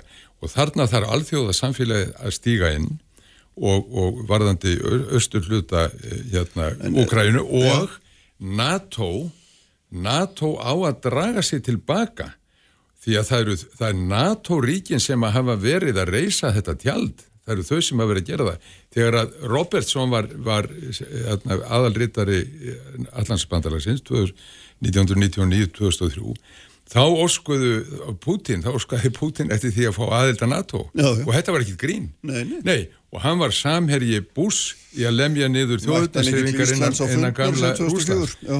og þarna er það sem að þjóð, þjóð, fólkið í heiminum á að rýsa upp það var fólkið í bandaríkjunum sem stöðvaði aðna Vietnamstríðið á sínum tíma. Hryllilegt árásastríð í, Vietnam það voru hermerinni sem vildi ekki berjast. Og það er fólkið sem á að taka völdin af hergagna yðnaðunum af stórveldunum og af NATO. Ísland úr NATO herin burt segi ég þessum Já, við erum ekki alveg samála Nei, þetta þið er það sannlega ekki Ég þetta á eftir að hljóma líka ég, ætla kannski að, Já. að að koma inn í þetta svona alveg í lokin. Já, Við skulum átt okkur á því að, að það var ákveði bandalag sem var nú hernaða bandalag líka svo ég bara rifji það upp sem var Vassjár, Vassjárbandalagið og það auðvitað liðaðist í, í sundur og, og allarsvarsbandalagið hefur haldið áfram. Uh, ég, ég, ég tel að þetta hefur verið mjög farsalar ákvarðanir á sínum tíma uh, þegar við ákvaðum að vera stopnaðalis og ég ítrykki það. Ég sammála augmyndi í því að það þarf að stöðu þetta stríð og ég verð að segja það að ég hef ákveðnar áhugjur á því að við séum, uh, það eru allir sem þjóðir heimsins eru að hvetja Úkrænu áfram en muni þjóðir heims aðstofa þau í þessu raunverulega, mm, það er stóra spurningin sko. Eh, við sjáum að það mun ekki gerast. Nei, NATO hefur sagt það, það eru mjög skýr skilaboð og ég bara að því að við vorum að tala um setni heimstyrjöldinni, það þurfti í raun og veru bandaríkin ætlu sér aldrei að taka þátt í henni. Það var í raun og veru bara orðið þannig neyðar ástand að, að Rósveld þvert á þau lofur sem hann gaf í kostningabaróttunni á sínum tíma og var kosin e, þeir taka þátt og ég held að við þurfum að vera mjög reynskilin við okkur.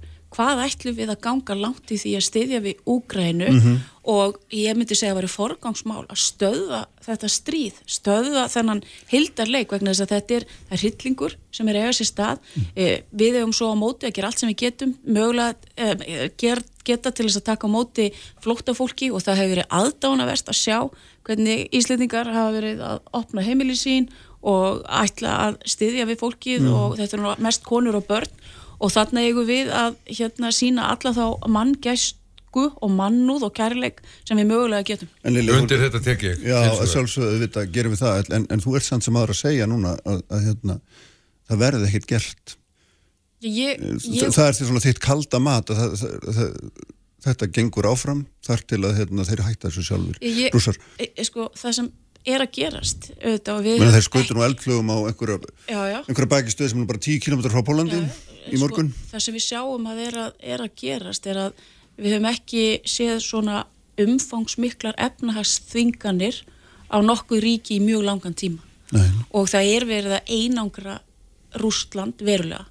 Mínar áhyggjur á þessari stöðu af því að við auðvitað höfum svo gaman að rifja upp söguna að e, sagan sínur okkur líka að þraut segja rússa í, í stríðum er gríðaleg og það er alveg ljóst að í setni heimstjóröldinni að ef, ef rússar hefur ekki verið bandamenn okkar á þeim tíma þá er ég ekki vissum að setni heimstjóröldin hefði endað eins og hún gerði. Ég meina orustan um Stalingrad er einn þekktasta orusta sem til er og, og það, var, það var fyrst og síðast í raun og veru fórnir rússa sem skiluðu þessum árangri og sigri Já. yfir hérna fasískum öflum svo ég sé svona dramatíski, reyna að vera dramatíski eins og augmundur en, En, en, ég en, þetta er svona og það sem er sko, við, raunveruleiki rússa er annar en raunveruleiki okkar. Og við miðum oft allt nákvæmlega við bara hér þegar við lítum út og horfum á, á laugadalinn, það er ekki það sama í, í, í Kreml. Og þannig að ég, já. þú veist, þann, þú veist ég, ég hef stundum ágjör á því að við sem að gefa okkur ákveðna fórsendur um það að hann hljóti bara að gefast upp ég óttast, óttast hans sé miklu þetta sé, þetta sé meira úthugsað en við gerum okkur grein fyrir. Er, hérna, ég veit að maður aldrei spyrja Ömund Jónasson hérna stöttra spurningar en ég meina þú saðir samtala á hann Ömundur geði mig bara ég meina, hefur þið raunverulega einhver að trúa því að það geti virkað í þessari stöðu, bara blákallt í þessari stöðu, er eitthvað raunverulega trú í þínu hjarta um það? Það er raunveruleg trú að ef að menn sína í verki vilja sinn með því að En þú strax kom eitt ef hætt- setninguna. Nei, Ég bara, þegar ég að draga úr þessu stríðsæs, æs- hætta þessu Mm. stríðsæsingatali um að sprengja menn í tætlur og að flytja fleiri vopn og meiri vopn og bara hætta þessu og segja við ætlum að draga her, herstyrk NATO tilbaka, við ætlum að stöðla að, að, eh, að slökun, við viljum virða að líðræðislega vilja fólks í austur Úkrænu en þið er að fara út skiliðislust.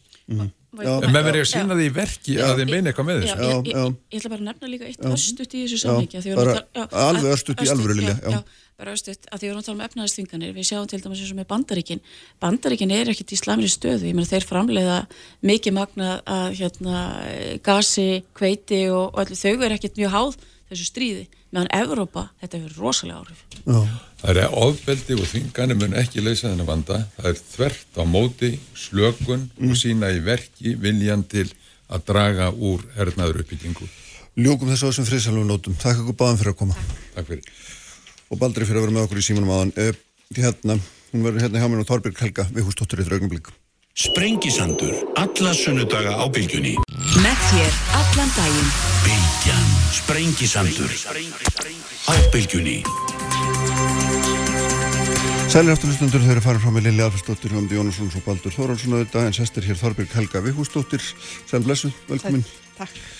auðvitað fyrirvændi borgarfjöldtrúi en fyrst og fremst ég er sem uh, stopnandi Kara Connect Já. uh, sem að ég ætla að bjó hérna einhverja til einhverja lýsinga á sem Já. verður svona vettvangur fyrir hvað á ég að kalla þetta Já, þetta er eins og vélinn við vinnulag sérfræðinga sem eru með personalegar og viðkomar upplýsingar. Já, til þess að gera hluti eins og við köllum online Já, bara vinna í skínu Já, rauninni sko, já, einmitt og tengja saman. Hvað er þetta langt, hvað, þetta er hann þónur, svona tíu ára fyrirtæki myndi ég skjóta á Já, nei, við erum búin að vera í, sko, það fór í loft í 2017 Já. en var stopnað aðeins fyrr, Já, akkurat 2015. Já, Þannig að við erum nákvæmlega. búin að vera að og hérna, Já.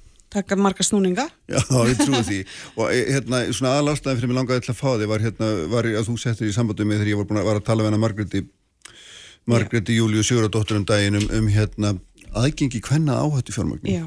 og, og hérna þá sagður mér það að, að þú væri nú sennilega svo konu sem þið safna mestum peningum Já.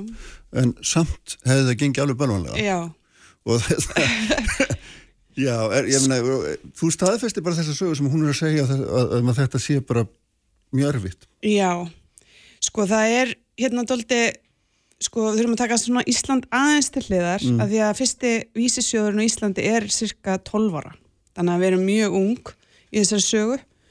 En sög, sagan um konur og fjárfestingar er alveg aftur til 1946 þegar fyrsti vísisjóðurinn kemur. Og enn er sagt í bandarækjunum bara tæplega 2% hvenna að fá pening. Já, og ég var svo sem ekkert búin að vera að grafa í þetta, ég hefði líklega ekki farið í þennan leik ef að ég hefði vita þessar tölur fyrirfram nei. En nú allavega geta konur aðeins vita hvað er að fara í og ekki kannski hjálpa. En þetta, staðan er bara hræðileg að þessu leiti og það væri frábært ef að Ísland myndi reyna að stökkva inn í þennan jafnbrettis, þetta jafnbrettisumhverju eins og það hefur gert í öðru. En hérna það sem er að gerast þess að þetta er að vísisjóðnir tala allir annars vegar um að konur sé ekki með nógu stórar hugmyndir og það sem ég hef lent í því að ég hef fengið gegnum árin bara svona spurningar bara ha, allar að, allar að fara yfir heiminn með þetta? Og svona, mér er bara ekki trúað. Nei. og ég var svona fyrst bara hvað er ég að segja vittlust og svona, svo er ég búin að vera að skoða rannsóknir mjög mikið undarfarið og þá kemur bara í ljós að það eru svona tvenns konar spurningar sem þú færð bara í lífinu. Annars vegar, þú með einhverja hugmynd og þú spurður, já frábært, hva, hversu mikil tækifæri í þessu og svo getur þú spurður um svona varnir. Og byrju hvað ef að þetta fyrir á hausinu eða hvað ef að markarinn og lítill? Og það er bara þannig að 67% af konum fá þessar spurningar um hvað gerist ef þetta fyrir illa og 67% af kallmennum fá hvernig getur þetta stekka meira. Já, og þetta hefur náttúrulega þau áhrif að kallmenn fá allan peningin basically. Og konur eru að fá sko 60% af þeirri tölu sem það er byggja um þrátt og vera í þessum 2% þannig að það er rauninni fá mjög lítinn aðgenga penningunum og mjög lítið af því sem þau byggja um sem telli, það er telli að vera eh, þurfa til þess að fyrirtæki lifa af. Og allt snýst þetta um að hugmyndin lifa af og þá þarf ben, bensín sem er peningur. Já, og ég er svo sem sjálf reynslan mín er bara, ég meina, þú veist eins og ég sagði, fólk er bara spurt mig, ha, ætlar að gera þetta? Og ha, ég meina, er, ertu með einhverja, einhverjum, þú veist, er maðurinn með nógan pening fyrir, ég, ég, ég, fengi, ég fengi alveg ótrúlega spurningar, sko. eiginlega bara þannig að ég sitt þar Þetta ekki bara, á loft fund- þetta er bara að fundi með fleira fólki sérst. Já, ég er bæði búin að pizza fyrir Norðurlandasjóðum, Mhm. amerískum sjóðum, breskum sjóðum e, og íslenskum sjóðum. Þannig að þetta, þetta er ekkert eitthvað íslenskt vandamál. Þetta er bara allstar eins eða mjög svipað allavega Já.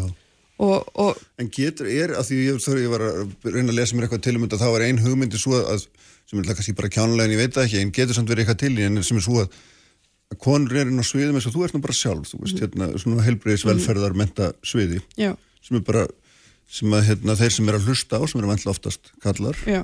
hafa bara eitthvað áhuga á því.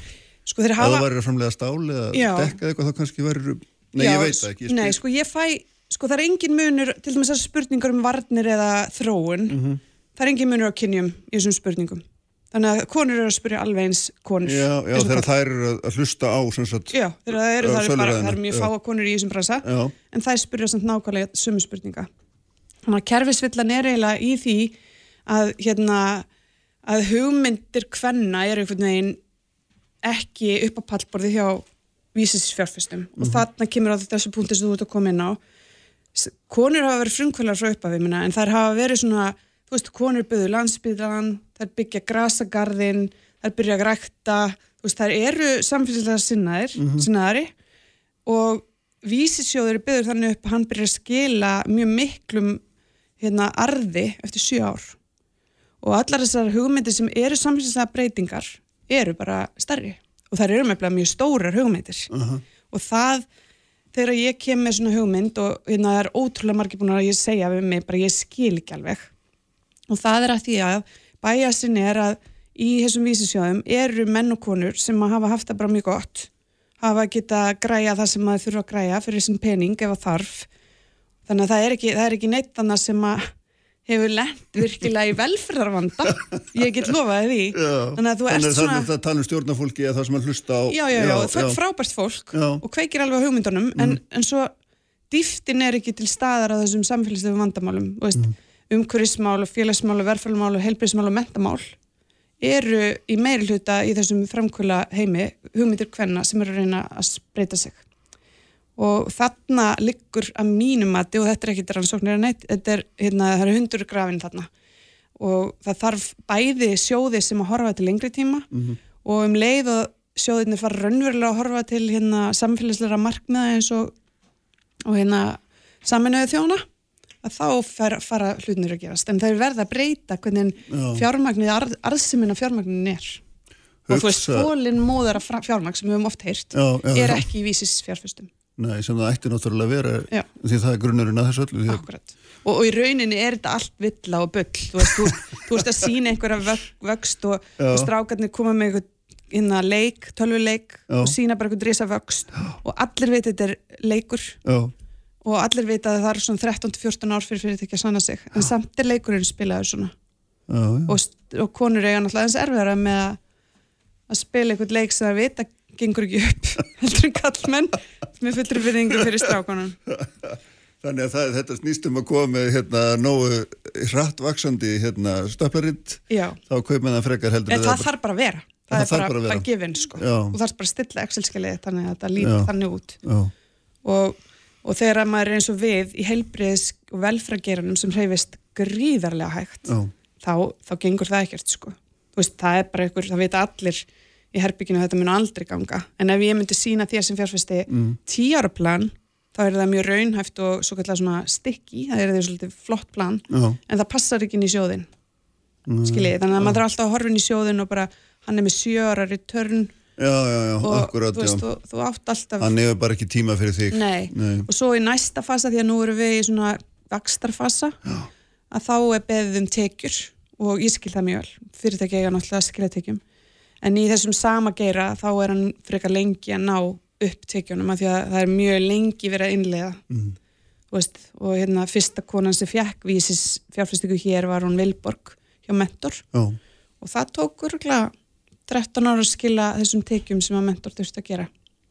Þannig að þar var allavega einhver frumtakkað einhver sem var innan jákvæður. Já, já, en það sem mig langar helst skila til vísis fjárfesta og fjárfesta yfir höfuð er að hætta að segja að konur hugsa ekki nógu stórt.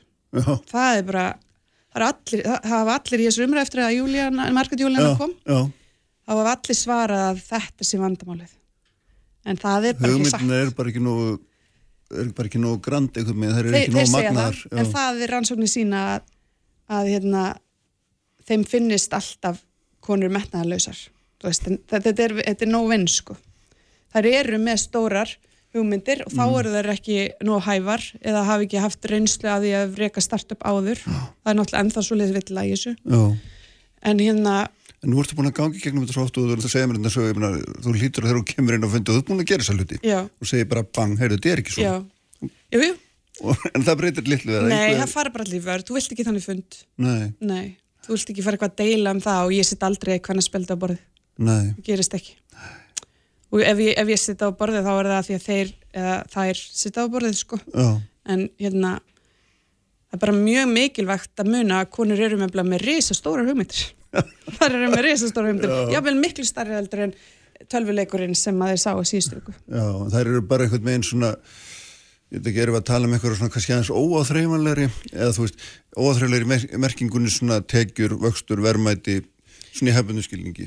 Það það? Já, nei, ég held, ég held sko eins og þessar rannsóknir sína að það eru engin munur á millit kynningana hjá kynjónum, Mm. það eru bara alveg jafngóðar og þannig að það er bara komin svona, hvað ég segja, template svona, svona tilbúið, að fylla inn í, þannig að þær geta gert þannan leik alveg vel, Mm. ekkert mál en svo er þessi svona tvisti þar sem að þú ferð að skýr út hugmyndafræðilega nálgunina eina og þá finnst öllum þú vera komin á eitthvað svona svið sem að þú getur ekki kvantifæðið eða talið Já, en hérna samfélag, öll frumkvöluverkefni eru til að breyta samfélaginu Oft, eða þú veist, ekki öll, ekki kannski dauðaleikurinn, en, en hérna mest allir frumkvölar fara inn í þetta til að breyta einhverju til þess já, betra hafa sko. háleitar hugmyndur Já. um svona einhver, einhver Já. ár sem þið geta, Já.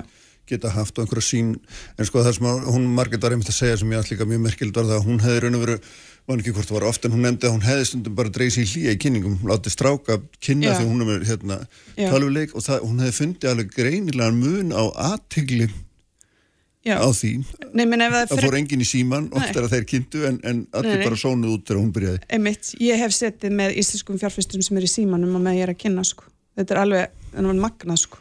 en það segja rannsóknar Mm. að hérna að ef það eru tveir, að þá er best að stillu svo þannig að þeir svari ákveðnum vaksta tölum, vegna þess að þá fá þær svo spurningar eins og ég nefndi á þann Já. um vöxt, ef að konan segir þetta þá fá þau spurningar um hvernig hún ætlar að verja fyrirtækið. Þannig að það er bara, þetta, þetta er alveg og líka, ég menna það er margar rannsóknir sem sína það að ef að ég bý til Gunnar Guðmundsson og er að reyna að selja þá eru miklu meiri svör heldur en ef það er Þorbjörg Helga sem sendir.